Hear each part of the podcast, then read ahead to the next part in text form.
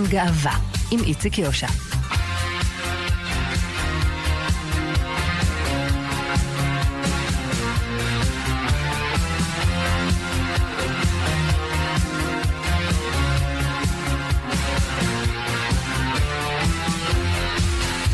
שלום, שלום לכם מאזינות ומאזיני כאן תרבות, אנחנו חלון גאווה.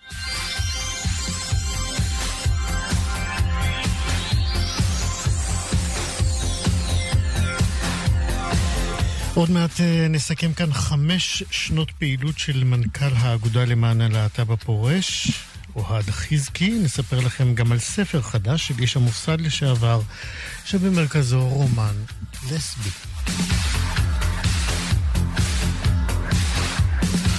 נספר גם על אה, אישה טרנסית שמבקשת להיות אימא בהליך אה, פונדקאות ועל עתירה שלה לבית המשפט.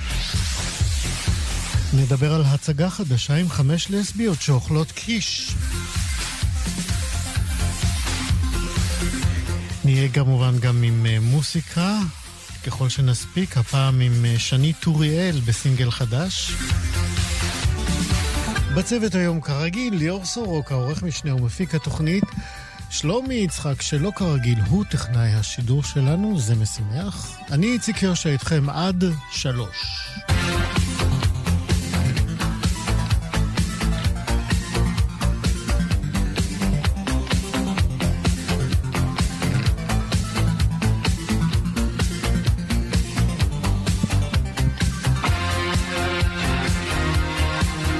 הממשלה אישרה השבוע את תקציב המדינה עם בשורה משמעותית לקהילה הלהט"בית. למעלה מ-90 מיליון שקלים יוקצו לתמיכה בארגונים ובפעילויות למען הקהילה. תוספת התקציב היא פרי עבודה משותפת של שר הבריאות ניצן הורוביץ ממרץ והשרה לשוויון חברתי מירב כהן מיש עתיד. בהודעה משותפת לשני המשרדים נכתב כי רבים מקרב אוכלוסיות הלהט"ב עדיין סובלים מאפליה ומשלמים בבריאותם הנפשית ובמצבם הכלכלי והחברתי על נטייתם המינית או על העדפתם המגדרית. לאור זאת, המשרד לשוויון חברתי גיבש תוכנית לשיפור מצבן של אוכלוסיות להט"ב החיות בישראל.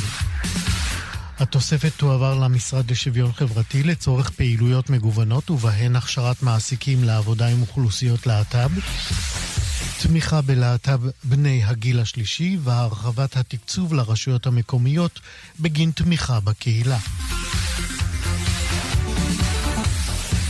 בביקור במרכז הרפואי שיבא אתמול, שר הבריאות ניצן הורוביץ הודיע על תוכנית משרדו להקלה על תהליך ההתאמה המגדרית לטרנסג'נדרים.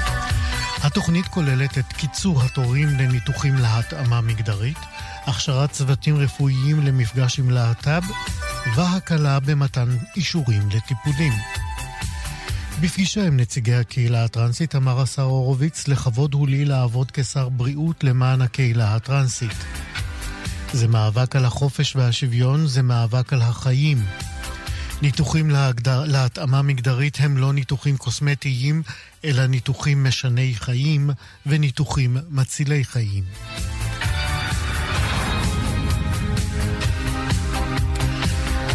אגודת הסטודנטים והסטודנטיות באוניברסיטה, באוניברסיטה העברית בירושלים, בשיתוף עם הנהלת האוניברסיטה, תפעיל תוכנית ניסיונית שבמסגרתה יופעלו דירות בטוחות לקהילה הגאה במעונות הסטודנטים. בהודעה שפרסמה האגודה נאמר כך: לאחר שחרטנו על דגלנו לקדם מרחב בטוח, מכבד ושוויוני לכולם ולכולן, התחלנו במאמץ משותף ובשיח עם דקנת הסטודנטים באוניברסיטה לפתיחת מרחב בטוח במעונות.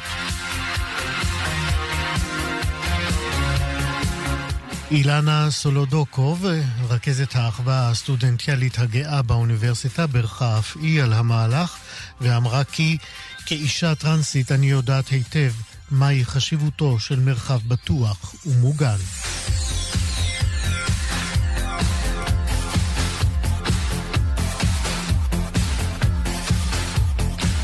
עם תחילת המשחקים האולימפיים, טוקיו 2020, נרשמו 142 ספורטאיות וספורטאים להט"בים.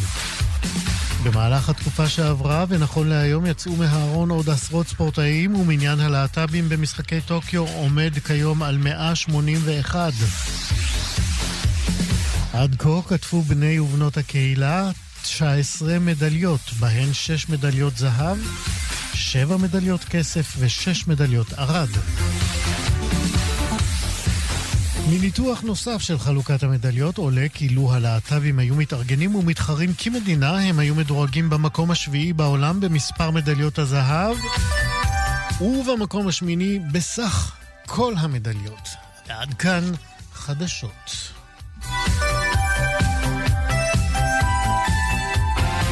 חלון גאווה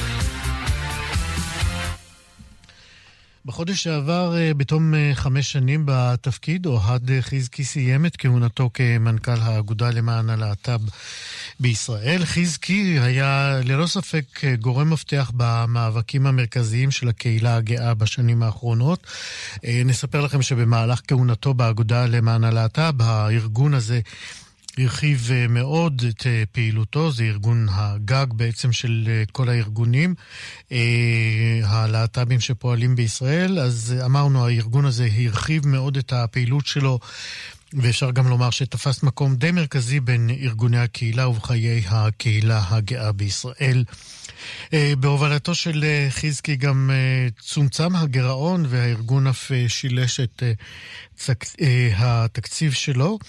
אה, עוד נגיד לכם אה, שבהובלת אה, חזקי גם הוקמה קואליציית ארגוני הקהילה הגאה, שמונה כיום 17 ארגונים שמובילים ביחד את המהלכים המרכזיים של המאבק הלהט"בי לשוויון, ועוד נאמר את שבחו של אה, חזקי, שהוא היה אחד ממארגני מחאת האימוץ ב-2017, וממובילי מחאות הקהילה, והיה גם אה, גורם מפתח ללא ספק במחאת השוויון. ההיא הגדולה ב-2018, שבשיאה אה, הוכרז אה, יום השביתה האזרחי של אה, כל חברי וחברות הקהילה. אה, ובנימה אישית יותר, אני אספר לכם שמי שמכירים אותו בעבודתה אומרים עליו שצניעותו ממש מקוממת מול גודל מעשיו ותרומתו הנדירה למאבק הקהילה. ואני שמח לומר עכשיו שלום לאוהד חזקי. איזו פתיחה, שלום. להפסיק? אה, זה היה ממש נעים לשמוע, אבל אה, כן. אז זהו, אם אני אאחז בסיום שלי, אה, אתה פחות מרגיש ככה ממה שאנשים מרגישים עליך, וזה גם, אתה יודע, מאוד חינני בעיניי, שאתה צנוע, אך עושה המון. תודה. בוא ניגש לשיחה שלנו, אנחנו הולכים להיפרד ממך.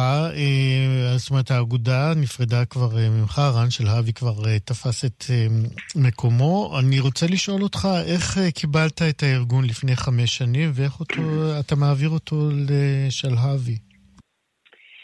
אז קודם כל אני אגיד שהאגודה זה ארגון שכבר קיים 40 ועוד מעט 6 שנים, והוא ארגון הלהט"בי הראשון המאורגן בישראל. כן, ו... ואני צריך פה גילוי נאות, הייתי היושב ראש נכון. שלו בשנת 97. נכון מאוד. ו... ואני חושב שיש לאגודה הרבה מאוד זכויות אה, כארגון וכגוף מפתח אה, בקהילה, אבל לצד זה, אה, לפני חמש שנים, אז כשנכנסתי לארגון, זה קצת הרגיש כמו ארגון שנולד רק עכשיו. כאילו, לא היו הרבה מאוד מנגנונים, לא היה סדר, ו... אני חושב שביחד עם אה, הוועד המנהל ועם הצוות אה, הצלחנו לייצר איזושהי אסטרטגיה שהיא באמת קצת שמה את הסיפור הזה של אה, צניעות ולהסתכל רגע על המטרה הגדולה יותר ולהבין מה התפקיד שלנו, של האגודה, אחרי 45 שנה של עשייה. כי באמת הזירה הלהט"בית היא זירה שוקקת ויש הרבה מאוד ארגונים שעושים עבודה מדהימה ויש פעילים ויש התארגנויות ו... וצריך להבין רגע מה, מה באמת התפקיד האגודה. ו... ומה העליתם? מה באמת התפקיד של האגודה? אז אני חושב שהאגודה היא איזשהו שחקן שהוא כזה אה, יותר כללי, יותר אה, מסתכל על הדברים ככה במבט יותר מלמעלה, וזיהינו שלוש זירות אה, מרכזיות להתעסק בהן. זירה אחת היא זירת המאבק, הזירה הקלאסית של לובינג, של בג"צים, של הפגנות ברחוב, של תקשורת, ועשינו שם הרבה מאוד עבודה בשנים האחרונות. הזירה השנייה היא זירה מוניציפלית, שלמעשה לקחנו מרחב שהיו בו ערים מאוד דומיננטיות, כמו תל אביב, חיפה, ירושלים, הבית הפתוח, מה שהם עושים שם, ולקחנו והרחבנו את זה בצורה מאוד משמעותית. היום האגודה אה, מלווה למעלה מ-80 רשויות בכל הארץ, קהילות מקומיות, מדד אה, עירוני ש... שבודק עד כמה העיריות הן פרו-להט"ביות, וזה ממש אה, מייצר שינוי מאוד משמעותי בשטח לחיים של אנשים, אבל גם לצד ההתחזקות של, של השלטון המקומי, זה מאפשר איזשהן הזדמנויות לקדם שוויון. והזירה האחרונה היא באמת הזירה של uh, השירותים והמענים שאנחנו נותנים לחברי וחברות הקהילה בכל הארץ, שסובלים תחת המחיר הכבד של האפליה והחוסר שוויון והלטבופוביה בישראל. Uh, לאגודה בשנים האחרונות uh, פונים למעלה מ-6,000 uh, פונים ופונות מכל הארץ, שמקבלים סיוע, ליווי, אם זה דרך קו הקשב, יש עם מי לדבר, שפעיל כבר למעלה מ-20 שנה. ומחלקה משפטית, וטיפול פסיכוסוציאלי, וקליניקה למשפחות להט"ביות, אה, תוכנית לפליטים, אה, מרכז דיווח אה, על שם נרקץ. כן, אני, אני, אני רוצה להישאר איתך רגע במישור המוניציפלי, כי נדמה לי ששם באמת נעוץ חלק או שורש השינוי, לפחות ב... בחלקים היותר, אה, נגיד, כלכליים, מסחריים. אה, סתם מהזיכרון שלי, אתה יודע, אה, במצעדים הראשונים היה מאוד קשה להשיג חסויות של חברות מסחריות. אה, והמציאות היום ממש כמעט התהפכה על עצמה, ו- ויש כמעט תחרות, אה, אני לא רוצה להגזים, על אה, מתן חסויות לאירועים להט"בים. כמה באמת אתם הייתם שם בזמן אמת כשזה קרה, קרה המהפך הזה של הצטרפות המגזר העסקי, שראה בקהילה באמת שוק שנכון לעבוד איתו גם מוסרית וגם כלכלית? תראה, קודם כל אני חושב שזה מצטרף למגמות אה, עולמיות שקורות כאילו לא רק בישראל, אה, סביב אה, חיבור של ערכים, אה, כלכלה, אה, מגזר עסקי. ואני חושב שבישראל הנקודה שבה היה שינוי משמעותי זה באמת המחאה ב-2018, מחאת השוויון, שיצאה לדרך בעיקר בגלל אה, חוק הפונדקאות שנפל, אה, התיקון שלו. והייתה טרנסית שנדקרה בדרום תל אביב באותם ימים, והייתה שם התגייסות והצטרפות אה, מאוד משמעותית של המגזר העסקי, ופעם ראשונה, אני חושב, אה, הייתה הבנה שהמחיר שכולם חששו שעסקים ישלמו בעקבות אה, קבוצות יותר שמרניות בישראל, הבינו שזה לא המצב. בכלל, אני חושב שהמחאה הזאת היא, היא גרמה, היא יצרה תודעה של, שהחברה הישראלית היא, היא בעד המאבק הצודק של הקהילה הגאה. ולכן אני חושב שהנקודה הזאת אה, שחררה איזשהו חסם שהוא היה בעיקר פסיכולוגי. אה, גם הרבה מאוד להט"בים יצאו מארון מקומות העבודה שלהם, וממש אה, רתמו את מקומות העבודה לתוך המאבק. והיו הרבה מאוד אה, מצבים שבהם, כאילו, אתה יודע, אה, ניגשת אה, עובדת אה, למעסיק, מעסיקה שלה, ואומרים, חבר'ה, יש עכשיו הפגנה, אני, אני כאילו רוצה לקחת את זה חלק, אני רוצה, אני רוצה שתתגייסו, שתתחברו לזה, והרבה מאוד עמדו לצד העובדים והעובדות שלהם. אני חושב שזה מאוד מרגש, ומאותה נקודה באמת ראינו שיש אה, הרבה יותר נכונות והצטרפות והתגייסות של חברות. אני אגיד שעדיין יש לנו עוד דרך לדאוג שזה לא רק יהיה מס שפתיים ועלה תאנה כזה, אתה יודע, דגל גאווה ב... בפייסבוק בחודש אה, יוני. אמ, אבל אה, בהחלט אני חושב שזה מראה איזושהי מגמה של תהליכים שקורים בחברה הישראלית, שלצערי עדיין לא מתורגמים בצורה מלאה אה, בבית המחוקקים שלנו, בממשלה. אנחנו כן רואים, ראינו את ההצהרה של שר הבריאות, הורוביץ, ומה שקורה בעוד משרדים, משרד לשוויון חברתי, במשרד הרווחה, כן, נזכרנו את זה אה, עכשיו, אבל כן. בוא, בוא, בוא נלך ככה טיפה, זה ממש מהימים האחרונים, בוא נלך טיפה אחורה לתקופת כהונתך. דווקא אז אומנם נרשם שיא של נציגים להט"בים בכנסת, אבל אפס הישגים חקיקתיים. כמה באמת היית מתוסכל מהייצוג הכי, הכי בכיר שהיה לנו, של השר אוחנה? תראה, אני חושב שהיה תסכול, אבל אני חושב שכשמובילים אה, מאבקים, צריך להבין שזה ריצה למרחקים ארוכים. וכל הישג הוא, הוא, גם אם הוא קטן, גם אם הוא מינורי, גם אם הוא מאכזב, הוא בסיס להישגים בהמשך. אני חושב שאמיר אוחנה שבר אה, תקרות זכוכית עבור הקהילה, ובעצם הייצוג שלו בתוך הכנסת ובממשלה, כשר להט"ב ראשון מחוץ לארון, וחבר כנסת, כן, ושר, והוא... אה, אה, לצערי, הוא גם הוא הצהיר בעצמו שהנושא של הקהילה זה לא נושא שהוא מקדם בצורה גלויה ואינטנסיבית. אה, ולכן גם הציפיות אה, הלכו וירדו והסתדרו בהתאם אה, לכוונות שלו. אני חושב שכאילו, אה, אה, היום אני לא חושב שאמיר אוחנה הוא כתובת מרכזית עבור הקהילה הגאה.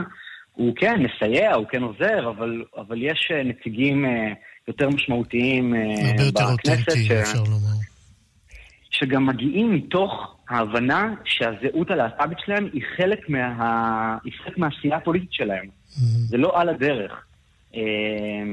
ואני שמח מאוד, אני שמח מאוד, והייתי רוצה לראות שם יותר אה, גם נציגות אה, לסביות, והקהילה הטרנסית. כמה באמת האגודה, נדמה לי שבקמפיין אה, לריצה למועצות המקומיות הייתה נציגות די יפה של נשים, זה לא מגיע איכשהו לנציגויות בכנסת. אתם מרכזים גם שם פעילות, או לפחות מאמץ? תראה, זה מנגנונים מאוד שונים ומאוד קשה להריץ אה, מועמדים, מועמדות ומועמדים אה, בבחירות ארציות. אה, בכלל, בעקבות אה, חוק אה, V15 יש הרבה מאוד הגבלות על מגזר שלישי בהתערבות של מהלכי בחירות, זה מאוד שונה נגיד ממה שקורה בארצות הברית. אז יותר קשה לסייע ולתת כלים, אבל אנחנו בהחלט היינו רוצים לראות שם שינוי והיינו רוצים לראות את, את יותר מהמגוון הקהילתי. למרות ששוב, אני אגיד שהייצוג בכנסת הוא לא הכל. כאילו, יש לנו הרבה מאוד אה, בני ובנות ברית אה, נאמנים ונאמנות לקהילה הגאה, שמקדמות את העשייה, זה לא... כן, לגמרי, כשהנסיבות מאפשרות כמובן, אה, הנסיבות הפוליטיות. אה, אנחנו לקראת כן. סיום השיחה הזאת, אני רוצה אה, להתייחס לעוד אה, מגזר אחד. אה, אה, הזכרנו מקודם את אה, המגזר אה, של אה, הטרנסג'נדרים והטרנסג'נדריות בישראל, אה, בעקבות התוכנית של השר הורוביץ והמשרד לשוויון חברתי. אני רוצה לשאול אותך על בני הנוער. מה המצב, מה המצב אה, היום של אה, אותם בני נוער אה, שמתקשים, או אלה שלא מתקשים, אנחנו יודעים, יש להם את איגי. מה קורה עם אלה שעדיין נזרקים לשוליים? אני אגיד קודם כל שאנחנו רואים כן מגמות חיוביות של הרבה יותר בני ובנות נוער, גם מהקהילה הטרנסית וגם בכלל מהקהילה הגאה, שיוצאים מהארון, מבצעים תהליך של חקירה, בדיקה, למידה את עצמם, וזה, וזה זה מראה דברים טובים. יש עדיין לא מעט כאלה שאין להם את העורף המשפחתי ושהם uh, נמצאים ממש, כמו שאמרת, uh, בשוליים וחווים uh, קשיים לא פשוטים. אחוז ההתאבדויות בקרב בני נוער להט"ב וניסיונות לאובדנות הם פי חמש יותר מבני נוער אה, סטרייטים אה, בישראל, שזה נתון... זה נתון, נתון שעלה בשנים האחרונות, משום שדובר אה, על פחות פעם. כן, תראה, זה גם עלה וגם יש פשוט גם הרבה יותר מדידה של הנתונים האלה, אז זה, זה לא בהכרח מראה שיש יותר, אבל עדיין, גם אם זה עלה משלוש לחמש, אני אומר, גם שלוש זה נורא וגם חמש זה נורא. בוודאי. והיום גם ארגוני הקהילה מציעים מעטפת מאוד רחבה. יש גם, אה, מתפתחות עכשיו תוכניות אה, שמתעסקות באיך להפוך את המרחב הבית ספרי למרחב הרבה יותר אה, מכיל, מוכוון, בייחוד, בייחוד לאוכלוסייה הטרנסג'נדרית, טרנסית בישראל, ואני חושב שהולכים להיות פרויקטים מאוד גדולים בשנים הקרובות, שהייתי שותף להתנעה שלהם, mm-hmm. וזה מאוד משמח גם לראות את, את מערכות המדינה מבינות את הצורך ואת צו השעה להתערב ולקחת חלק בזה. יפה. איפה תרצה לראות את האגודה בעוד חמש שנים? זו שאלה טובה. אני חושב ש... אני חושב שאתה יודע, קודם כל אני מאחל לארגון להמשיך לגדול בכיוונים הנכונים ולהיות משמעותי גם בשיח של הקהילה וגם בחברה הישראלית. יש הרבה מאוד עשייה, ואני חושב שצריך כזה אנשים מאוד איכותיים וטובים שיהיו חלק ויצטרפו, וזה חשוב. ואני מקווה שאנחנו נוכל להתפנות ל... לעשייה פחות אקטיביסטית ויותר פנימה לתוך הקהילה, כי כבר נהיה באיזשהו מקום שכבר זכויות יש וכבר עברו חוקים. על זה נאמר אבל... חזון אחרית הימים. לאן כן. אתה הולך? אני אשאר בזירה של המגזר החברתי. אני בדיוק בימים אלה כזה עוד בודק את הכיוונים ולאן הם, הם הולכים. ו... אבל זה, זה ככל הנראה יישאר בזירת האקטיביזם, אבל במבט יותר רחב, אה, נושאים שחשובים לי ושהם מעסיקים אותי. אוהד חזקי, המנכ"ל היוצא של האגודה למען הלהט"ב בישראל, תודה רבה לך על הכל. תודה לכם, תודה על ההזדמנות ותודה רבה. ביי ביי. ביי, ביי. חלון גאווה שימו לב למקרה חדש אה, שבו חברת הקהילה הלהט"בית מאתגרת את המערכת המשפטית בניסיון לממש את זכותה הבסיסית להורות. הסיפור הוא כזה, אישה טרנסית אה, באמצעות עורכת הדין אה, מיכל עדן עתרה לבית המשפט נגד המדינה לאחר שזאת סירבה בעצם לאשר לה הליך פונדקאות בישראל ובכך לאפשר לה לממש את הזכות שלה אה, להורות, כפי שהיא ניתנת לאימהות יחידניות אה, על פי החוק לנשיאת עוברים, כך נדמה לי, זה השם הנכון של חוק הפונדקאות. אה, עוד מעט אה, נרחיב על זה כמובן. במענה לעתירה הזאת, המדינה ביקשה מהאישה הטרנסית למשוך את הבקשה. בין הנימוקים שהעבירה המדינה לבית המשפט אה, נאמר שהמערכת אה, עסוקה בהיערכות אה, לתיקונים בחוק בעקבות הבג"ץ ההיסטורי בעניין פנקס ארד. נזכיר שבית המשפט העליון חייב את המדינה בעצם לתקן את ההוראות המפלות זוגות הומואים בקבלה של היתרים להליכי פונדקאות בישראל. וזה אחרי 12 שנים של אה, דיונים וסחבת אה, די מקוממים. עורכת הדין אה, מיכל עדן, שמייצגת את האישה הטרנסית, היא האורחת שלנו עכשיו. שלום מיכל. שלום איציק, צהריים טובים. גם לך. בואי רגע נגיד מה אומרת לשון החוק היום לגבי נשים יחידניות שמבקשות לעבור הליך פונדקאות בישראל. אוקיי, אז uh, חוק הפונדקאות הישראלי, שקוראים לו חוק הסכמים לנשיאת עוברים, אבל אנחנו נגיד עכשיו חוק הפונדקאות, כי כן, זה יותר קל. כן. Uh, בעצם uh, uh, בשנת 2018 עבר שינוי במטרה גם לאפשר לאישה יחידה, לרווקה, להיות אימא.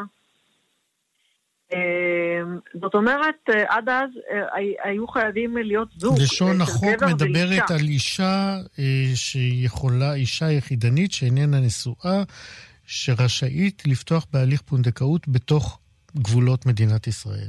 כן, החוק okay. אוקיי. אומר מי, מי הם הורים מיועדים, זאת אומרת, מי הם ההורים שיכולים להשתמש בסיוע של אישה שנושאת את ההיריון עבורם, הם נקראים הורים מיועדים. כתוב שהם בני זוג, וכן אם מיועדת יחידה. זאת אומרת, אישה שאין לה בן זוג. זו שאלה, אם זה גם אישה שאין לה בת זוג, אבל עכשיו, אחרי פסק הדין החדש, אה, לא אמורה להיות אפליה גם כלפי לסביות.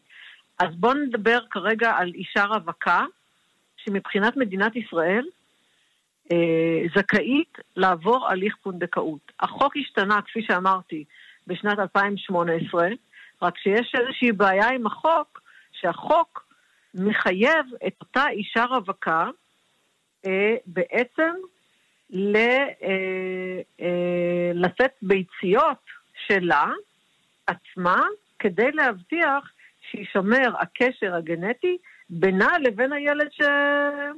שיהיה בסוף שלה. זאת תקנה שתוקנה ב-2018 ולא הייתה קיימת בגרסת החוק שלפני זה? נכון. זה תיקון חדש. למ, למה הוא נועד? הוא כדי נועד להקשות. אני רוצה, אני רוצה להזכיר לכו- לכולנו שבשנת 2018 הייתה מחאה להט"בית גדולה מאוד ברחובות.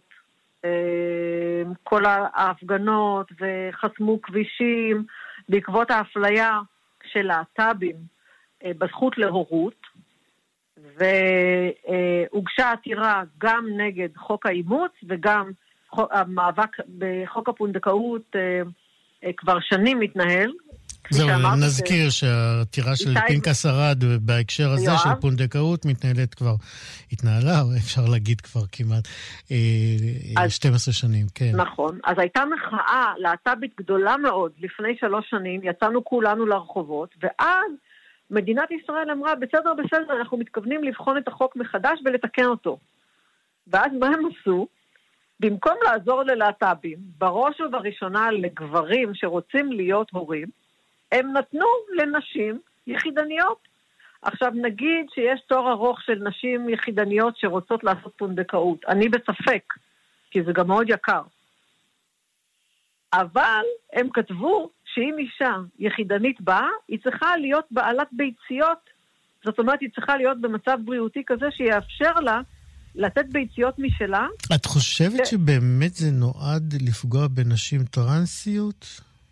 אני חושבת שהתיקון של החקיקה הוא, אה, הוא ממש עזות מצח, כי לא, על זה, המדינה... על זה אין מחלוקת. אני, אני באמת מנסה להבין את הראש של המחוקק. אה, לא, לא, אני לא, אני לא חושבת. אני לא חושבת שכשהם כתבו שאישה רווקה צריכה ביציות, הם רצו לחסום את הטרנסיות. אני שהרי, חושבת... שהרי אנחנו יודעים שגם נשים אה, אה, נשואות, סטרייטיות, שמתקשות אה, להיכנס להיריון, הרי יש להן בעיות עם הביציות, ו, ו, ו, ו, אז למה להפלות את אותן רווקות לעומת אותן נשואות נכון. שאין להן ביציות? בדיוק, הרי אישה בת 40 שרוצה כבר אה, פונדקאות והיא לא התחתנה, כבר הביציות שלה לא, לא שוות הרבה. אז, אז מה עשה המחוקק? הוא כאילו, כאילו הרחיב ואמר, אנחנו נעזור גם לנשים רווקות, אבל דה פקטו, אישה רווקה לא באמת יכולה להשתמש בחוק בשביל להיות אימא, כי אין לה ביציות טובות בגיל, כבר, אתה יודע, אחרי גיל 35-40 כבר אין, אין, כן, אין אבל הרבה זה, סיכוי. זה טיעון, ח- אני- את יודעת, אני לא משפטן, אבל זה טיעון חלש, כאילו, מה זה משנה אם הביציות שלה טובות או לא טובות? מותר לה או לא מותר לה לקיים את לא, ההליך הזה? הטיעון המרכזי הוא שמדינת ישראל מחייבת שבהליכי פונדקאות, גם בישראל וגם תהיה בחוץ זיקה לארץ, גנטית. תהיה זיקה גנטית, כי היא אומרת שאחרת יש חשש לסחר בילדים. זאת אומרת, חלילה, חטפת ילד ברחוב, נגיד הלכת לך לטייל ב- בחוצות אה, בר- בברזיל, חטפת ילד, אין לך שום קשר גנטי אליו, לא לך, לא לבן זוג שלך, לא לאשתך, לא משנה מי אתה. איך יודעים? איך יודעים שלא עברת עבירה וזה לא ילד של מישהו אחר? עכשיו, אנחנו אומרים למדינה, אם זה נעשה במדינה מתוקנת, ואני חושבת שכבר דיברנו בתוכנית שלך על הנושא הזה, אין שום חשש לסחר, זה נעשה ב- על פי חוק, בפיקוח, באישור בית משפט, אנחנו להט"בים שומרי חוק, אנחנו לא חוטפים ילדים ברחוב. מה, מה העניין פה של חשש מסחר? סחר בבני אדם? זה כבר עלה, אם אתה זוכר, במאבקים של הלסביות. על צווי ההורות, החשש שאנחנו עוברות עבירה פלילית, כאילו חטפנו ילדים. עכשיו, הלקוחה שלי היא אישה רשומה כנקבה בישראל, והיא הייתה חכמה לשמור מנות זרע כשהיא התחילה את השינוי המגדרי שלה, את התהליך של ההתאמה המגדרית. ואז היא ניגשה לפני שנה לוועדה במשרד הבריאות ואמרה, הנה, אני יכולה לשמור על קשר גנטי עם התינוק שלי, למרות שזו דרישה שהיא לדעתי מוגזמת, יש לי אפשרות לתת מנות זרע, ואני אישה. והיא לא מסתירה על זה שהיא טרנסג'נדרית. והיא עברה את התהליך של הווע... במשרד הבריאות, אישרו לה לשנות את המגדר, משרד הפנים רשם אותה כנקבה. היא אישה לכל דבר, ואז אמרו לה, או-או-או, סליחה, אה, בחוק כתוב ביציות, שאישה לא זרע. זכאית, אישה זכאית, אבל אי אפשר עם זרע, צריך עם ביצית. ואז אמרנו, סליחה, התכלית, הרציונל מאחורי החוק זה שישמר התנאי של מדינת של ישראל לקשר גנטית. גנטי. והנה כן. היא מקיימת, אז למה אתם מקשים עליה? ואז הייתי בשוק. אתמול קיבלנו תשובה ממחלקת בג"צים במשרד המשפטים, שהם כאילו, הם מנצלים, אולי הם רוכבים על הבג"ץ של ההומואים, שהתקבל לפני, הפסק דין החדש שהתקבל לפני חודש בערך, כן. והם אומרים לה, חכי, חכי, משרד הבריאות עושה עכשיו כל מיני היערכויות, התאמות, לקראת פתיחת שוק הפונדקאות להומואים בישראל, ואת צריכה כן. לחכות. אני אומרת, סליחה, הלקוחה שלי היא אישה. זה לא שייך. היא לא גבר, מה זה כן. קשור? ואני חושבת שהם רומזים לכך שהם מתכוונים להתייחס אליה כאילו, בגלל שהחומר הגנטי שלה זה זרע ולא ביצית, הם רוצים כאילו להשהות את כל הסיפור ולחכות שתהיה הסדרה לגבי אה, הומואים, שאני לא מבינה בכלל מה הקשר, ופה מדובר באפליה. וזה מאוד מאוד מקומם, כי היועץ המשפטי לממשלה קיבל ממנה פנייה באמצעותי כבר לפני שנה. והתחושה היא שהם רוצים לעכב אותה בגלל שהיא אישה טרנסג'נדרית ולמנוע ממנה מתי בית המשפט הזכות... אה, יצטרך להגיב לבקשה של המדינה למשוך את העתירה? אה, קודם כל, אנחנו עכשיו נגיב. אנחנו כמובן נתנגד למהלך הזה, לניסיון של המדינה למשוך עוד זמן ולנצל את, ה, את הפסיקה של ההומואים כדי לפגוע בה בעצם, ואני לא מבינה באמת את הקשר. ולטעון שמדובר פה באפליה שהיא פסולה, וזכותה לממש את הזכות טוב. הבסיסית של כל אחד מאיתנו. עורכת הדין. לחיי הדין. משפחה.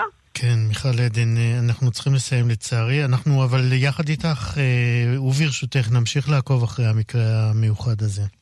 אני אעדכן אתכם. תודה רבה. תודה לך, להתראות. להתראות. חלון גאווה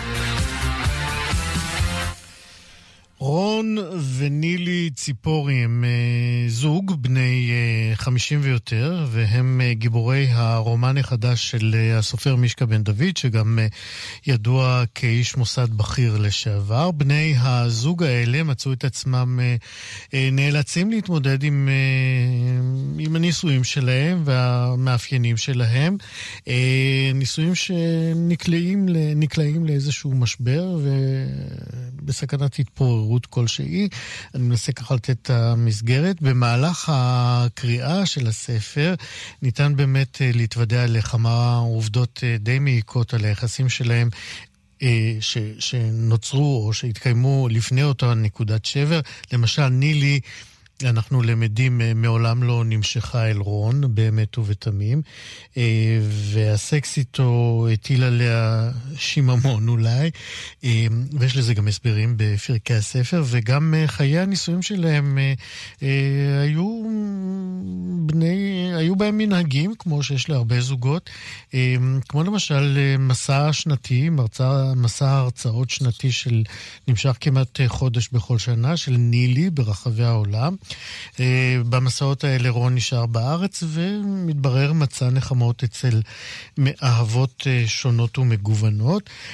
אה, ובאחת ממסעותיה של נילי בעולם, התשוקה חוזרת לחייה מכיוון שלא ידעו עליו בני הזוג עד אז. נילי מתאהבת באישה ונשאבת לתוך רומן מלא תשוקה שמתפתח ביניהם, וכל אלה ביחד מייצרים איזשהו שיח מחודש אה, סביב אה, הנישואין של רון אה, ונילי, וסביב הלסביות שלה.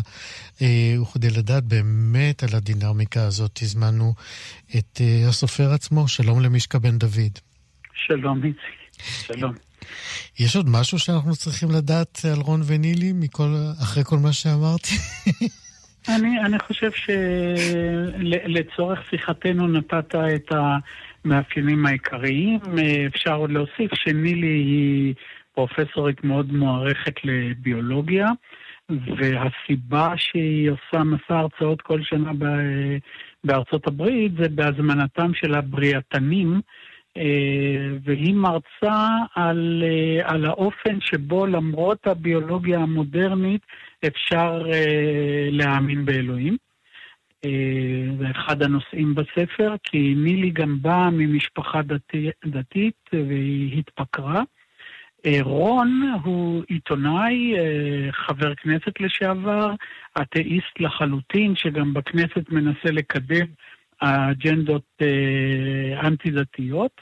וזו עוד אחת מנקודות המחלוקת והסכסוך ביניהם. אני רוצה לשאול אותך באמת, הרומן הזה שדיברנו עליו עם אישה, אה, בעצם אה, מטלטל את ספינת הנישואים שלהם, מה שלא קרה קודם, למרות שהבקיעים כבר היו שם. אה, אז אולי אתה כמי שרקם את העלילה, תספר לנו מה, מה, למה דווקא הטלטלה הזאת היא בעצם מביאה אותם אולי אפילו לאיזושהי צמיחה בתוך היחסים שלהם שמתפוררים. אה, תראה, יש הרבה מאוד עיסוק בספר בשאלת המונוגמיות והבריחות מהמונוגמיות. אה, כאשר יש לנו כאן אה, שני בני זוג שונים מאוד ברמת התשוקה שלהם, לא רק זה לזו, אלא בכלל. כי רון הוא גבר אה, מאוד מיני וחושק, אה, ונילי, שהיא גם באה ממשפחה דתית שבה אה, לחצו עליה בעניין המיני, גם הייתה לה אחות שנחשבה למופקרת בגלל שהיא עוד בתיכון נכנסה להיריון, וכל הדברים האלה כלאו את המיניות של, של נילי, והיא בעצם לא ידעה... את המיניות באשר היא, כלפי גברים או כלפי נשים? בדיוק. היא אפילו לא ידעה שהיא למשל יכולה להימשך לנשים. היא חשבה שהיא לא נמשכת לבעלה, נקודה.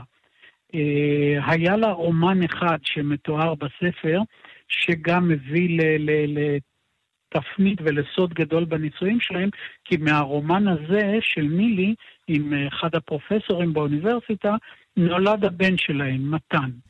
והיא שומרת את זה בסוד והיא כמות... יודעת כאישה דתייה מה המשמעות של אה, אה, היוולדו, כן. כן, כן. והיא שומרת את זה. מה שהיא לא יודעת זה שזה התגלה לבעלה. כשיום אחד הוא הסתכל בפנקס השבי של הבן שלו וראה מסוג אדם שלא יכול להיות שהוא הבן שלו ו- ו- ושל נילי, הוא צריך להיות uh, בן של אבא אחר. וזה פותח אצלו קודם כל משבר מאוד מאוד קשה, אבל uh, שנית, uh, מאפשר לו ללא איסורי מצפון לקיים את הרומנים שהוא קיים גם קודם uh, כשנילי הייתה בחו"ל, בגלל שהיה צריך uh, להימצא איזשהו מוצא לתשוקה הבלתי ממומשת כן. שלי.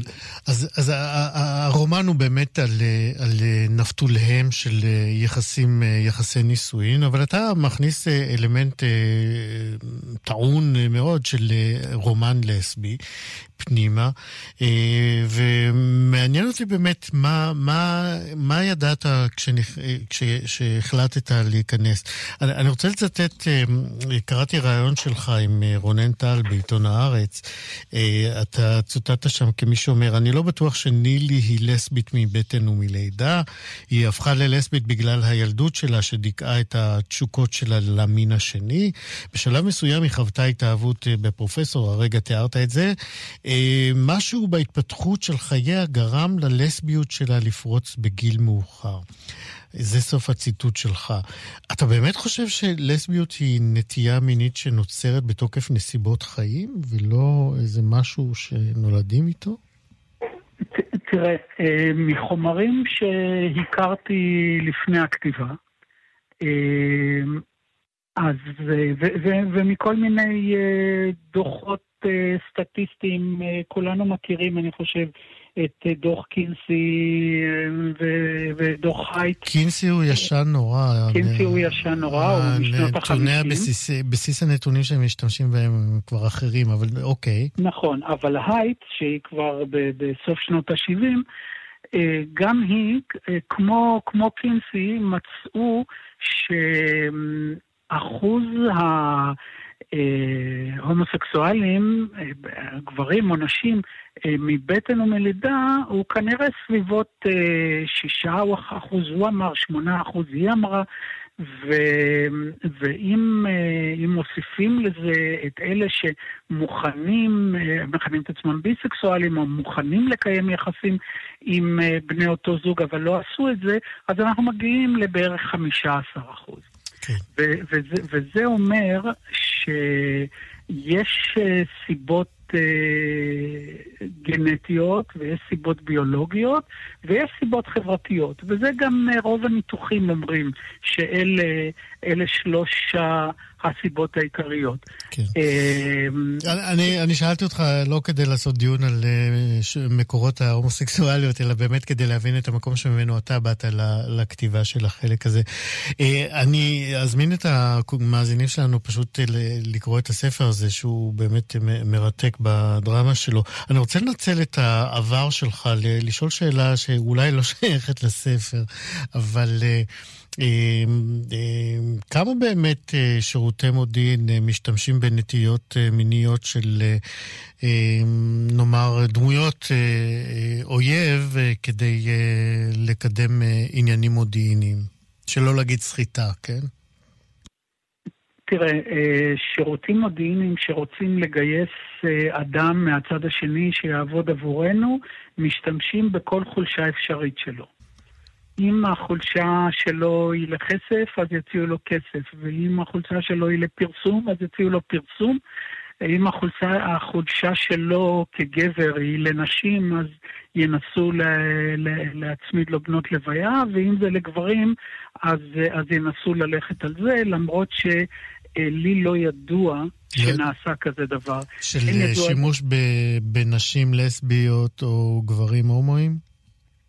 נכון. לי, לי ידוע כן על שימוש בבנות לוויה, mm-hmm. שהן לא, לא נשות מוסד, אלא, אלא נשים שהמוסד משלם להן. כמו סינדי.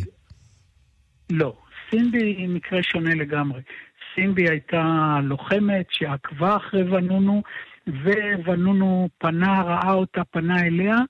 אה, לא היה מתפקידה בכלל לבוא איתו במגע, אבל הוא בא איתה במגע, ואז בשיחות שלה עם המפקד, כיוון שהיה ברור שלא יסכימו שסינדי כלוחמת כחול לבן אה, תיכנס למיטה עם ואנונו, אה, החליטו כן, אה, רקמו מיד מזימה מתוחכמת ש... שבה סינדי תזמין את ונונו, אם הוא רוצה לשכב איתה, לדירה של אחותה ב- ב- ב- באיטליה, וככה הוציאו אותו למקום שהמוסד יכול היה להמתין לו, לאמן אותו ולהביא אותו כן, ארצה. כן, זה סיפור הכיסוי של סיפור הכיסוי. מישקה בן דוד. זו האמת. או לא. מישקה בן דוד, אה, ספר חדש, חודש בשנה, אתם מוזמנים לשים יד עליו. תודה רבה שדיברת איתנו. תודה רבה גם לך. להתראות. תודה. חלון גאווה תיאטרון המשולש הוא תיאטרון גאה חדש ששם לעצמו למטרה את הרחבת הרפרטואר ואת הייצוג הלהט"בי בתרבות הישראלית בכלל ובתיאטרון אה, בפרט. התיאטרון הזה נוסד בשיתוף עם המרכז הגאה של עיריית תל אביב ועם צוותא ב', הבמה העצמאית. עוד נספר לכם על התיאטרון הזה, שהוא נוסד על ידי אה, אה, נמרוד דנישמן, רום רזניק ויובל קורן, שהיא גם הבמאית של ההצגה החדשה שמועלית אה, בתיאטרון הזה. קוראים לה חמש לסביות אוכלות קיש. זה השם הקולינרי שבחרו המחזאים להצגה. היא תועלה אגב ב-19 באוגוסט. הבמאית אמרנו יובל קורן, והיא גם תרגמה אותו, ביימה אותו, והיא גם ערכה את המוזיקה של ההצגה. יובל קורן היא גם האורחת שלנו. עכשיו שלום יובל. שלום. חמש לסביות אוכלות קיש. המשפט הזה נשמע כמו מתכון להמולה טורדת מנוחה. אה, נכון מאוד, נכון מאוד. אני מודה שכשחיפשתי ככה חומר לתיאטרון החדש שלנו, אז אה, בתקופת הקורונה צללתי למרחבי האינטרנט, ראיתי את השם הזה בזווית של, העין, של העין, אמרתי, את זה. זה אני רוצה לקרוא, את זה אני רוצה להביא. אה, ואכן מדובר בחגיגה נשית קולינרית, אפשר לומר. אז בואי באמת ניתן את סיפור המסגרת. איפה קורית העלילה, והמקור הוא בארצות הברית כמובן. נכון, העלילה בעצם מתרחשת במפגש קהילתי בעיירה נידחת בארצות הברית, של קהילת נשים על שם סוזן בי אנטוני. והן בעצם מארגנות, אה, כמו בכל שנה, ארוחת קישים, שבה הן בוחרות את הקיש הכי הכי מוצלח של השנה. אה, וכמובן שהעלילה מסתבכת, יש איזשהו פיצוץ עז שמרחריב את העולם, אה, ושם אה, ברגע שאין יותר עולם ולא צריך לדפוק יותר חשבון ולא צריך להיות יותר אה, נשים אמריקאיות מתוקתקות, אז עולות השאלות של מי הן באמת, מה הן מרגישות. אה, וזה מתפתח משם. אוקיי, אז תנסי, אנחנו עוד לא ראינו את ההצגה, אני מקווה שנוכל אה, לראות אותה ממש ב-19 באוגוסט. אגב, כמה הצגות יועלו? יהיו ארבע הצגות. אוקיי, אז, אז אמרנו, יש פיצוץ, ואז אה, יש בחינה מחדש של אה, עולמן אה, של האנשים האלה שמשתתפות. נכון. יש חמש נשים, חמש או חמש, כן, אמרנו, חמש כן. אוכלות קיש, כן, זה השם. בואי תנסי בזמן, ה... יש לנו כמה דקות, לאפיין פחות או יותר את הצירים של אותם גילויים או, או מאפיינים שהן מגלות על עצמם. אה, אני חושבת שבעצם מה שהמחזה הזה בא לדבר עליו זה העניין הזה שנשים מתעלות את כל התשוקה ואת כל ה... אמ, את כל מה שבוער בהם אל תוך הקיש הזה ואל תוך מה שהן חושבות שהן צריכות לייצג, כשבעצם התשוקה שלהם היא לא בדיוק לקיש. זאת אומרת, הרבה פעמים משווים בין תשוקה לאוכל וזה מאוד מאוד חזק במחזה הזה. אה, ובעצם כשיש פיצוץ והעולם נחרב, אז הן אה, מוכנות להודות שקיש זה לא העניין היחיד. אה, ובעצם הן מתחילות לצאת, בוא נגיד, מהארון, זה ככה בהשטחה אני אומרת, ומה שנורא נחמד בתוך הדבר הזה, זה שהן באמת מוליכות גם את הקהל לאיזשהו תהליך, וגורמות לקהל לצאת מהארון ולהיחשף. כשחלק נורא נחמד במחזה הזה זה שבעצם גם הגברים שמגיעים להצגה מקבלים תג שם של אישה, והרעיון הוא שכל מי שמגיע להצגה בעצם חווה מה זה להיות אישה אמריקאית עם הסטנדרטים האלה בשנות החמישים.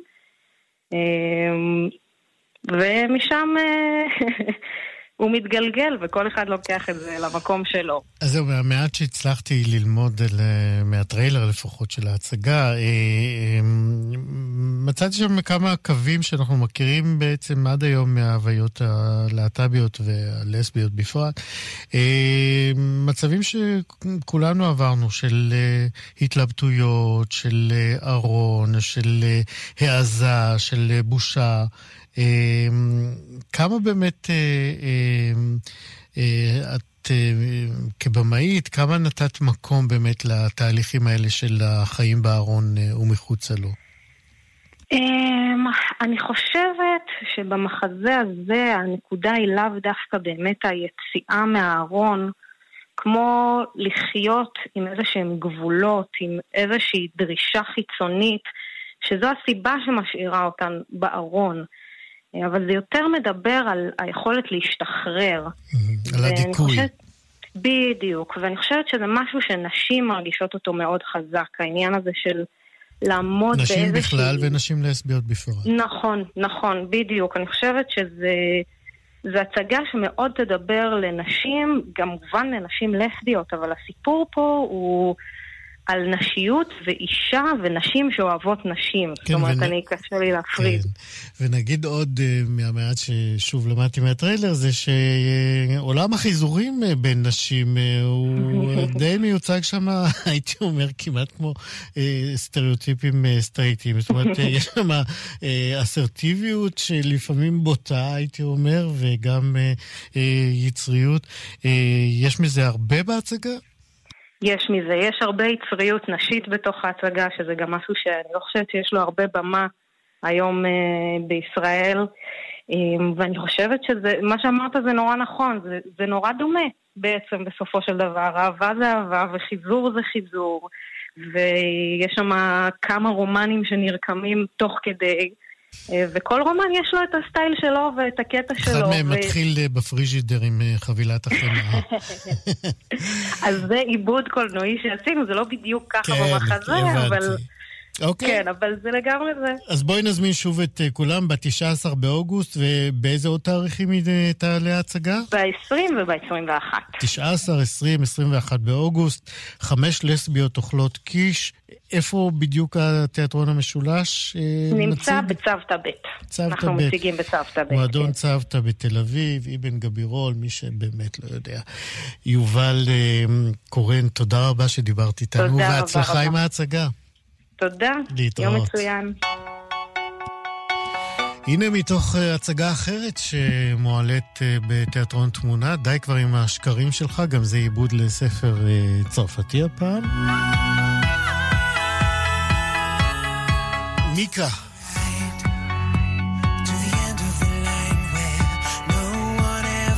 ואיתה אנחנו נסיים את uh, חלון גאווה להשבוע. תודה רבא מאוד uh, לליאור סורוקה, עורך משנה ומפיק התוכנית הזאת. שלומי יצחק היה טכנאי השידור המינורי. התנהגת יפה, שלומי. תמיד אתה מתנהג יפה, אתה תמיד מתנהג יפה. אני איציק יושע, אני אתראה כאן שוב בשבוע הבא. להתראות.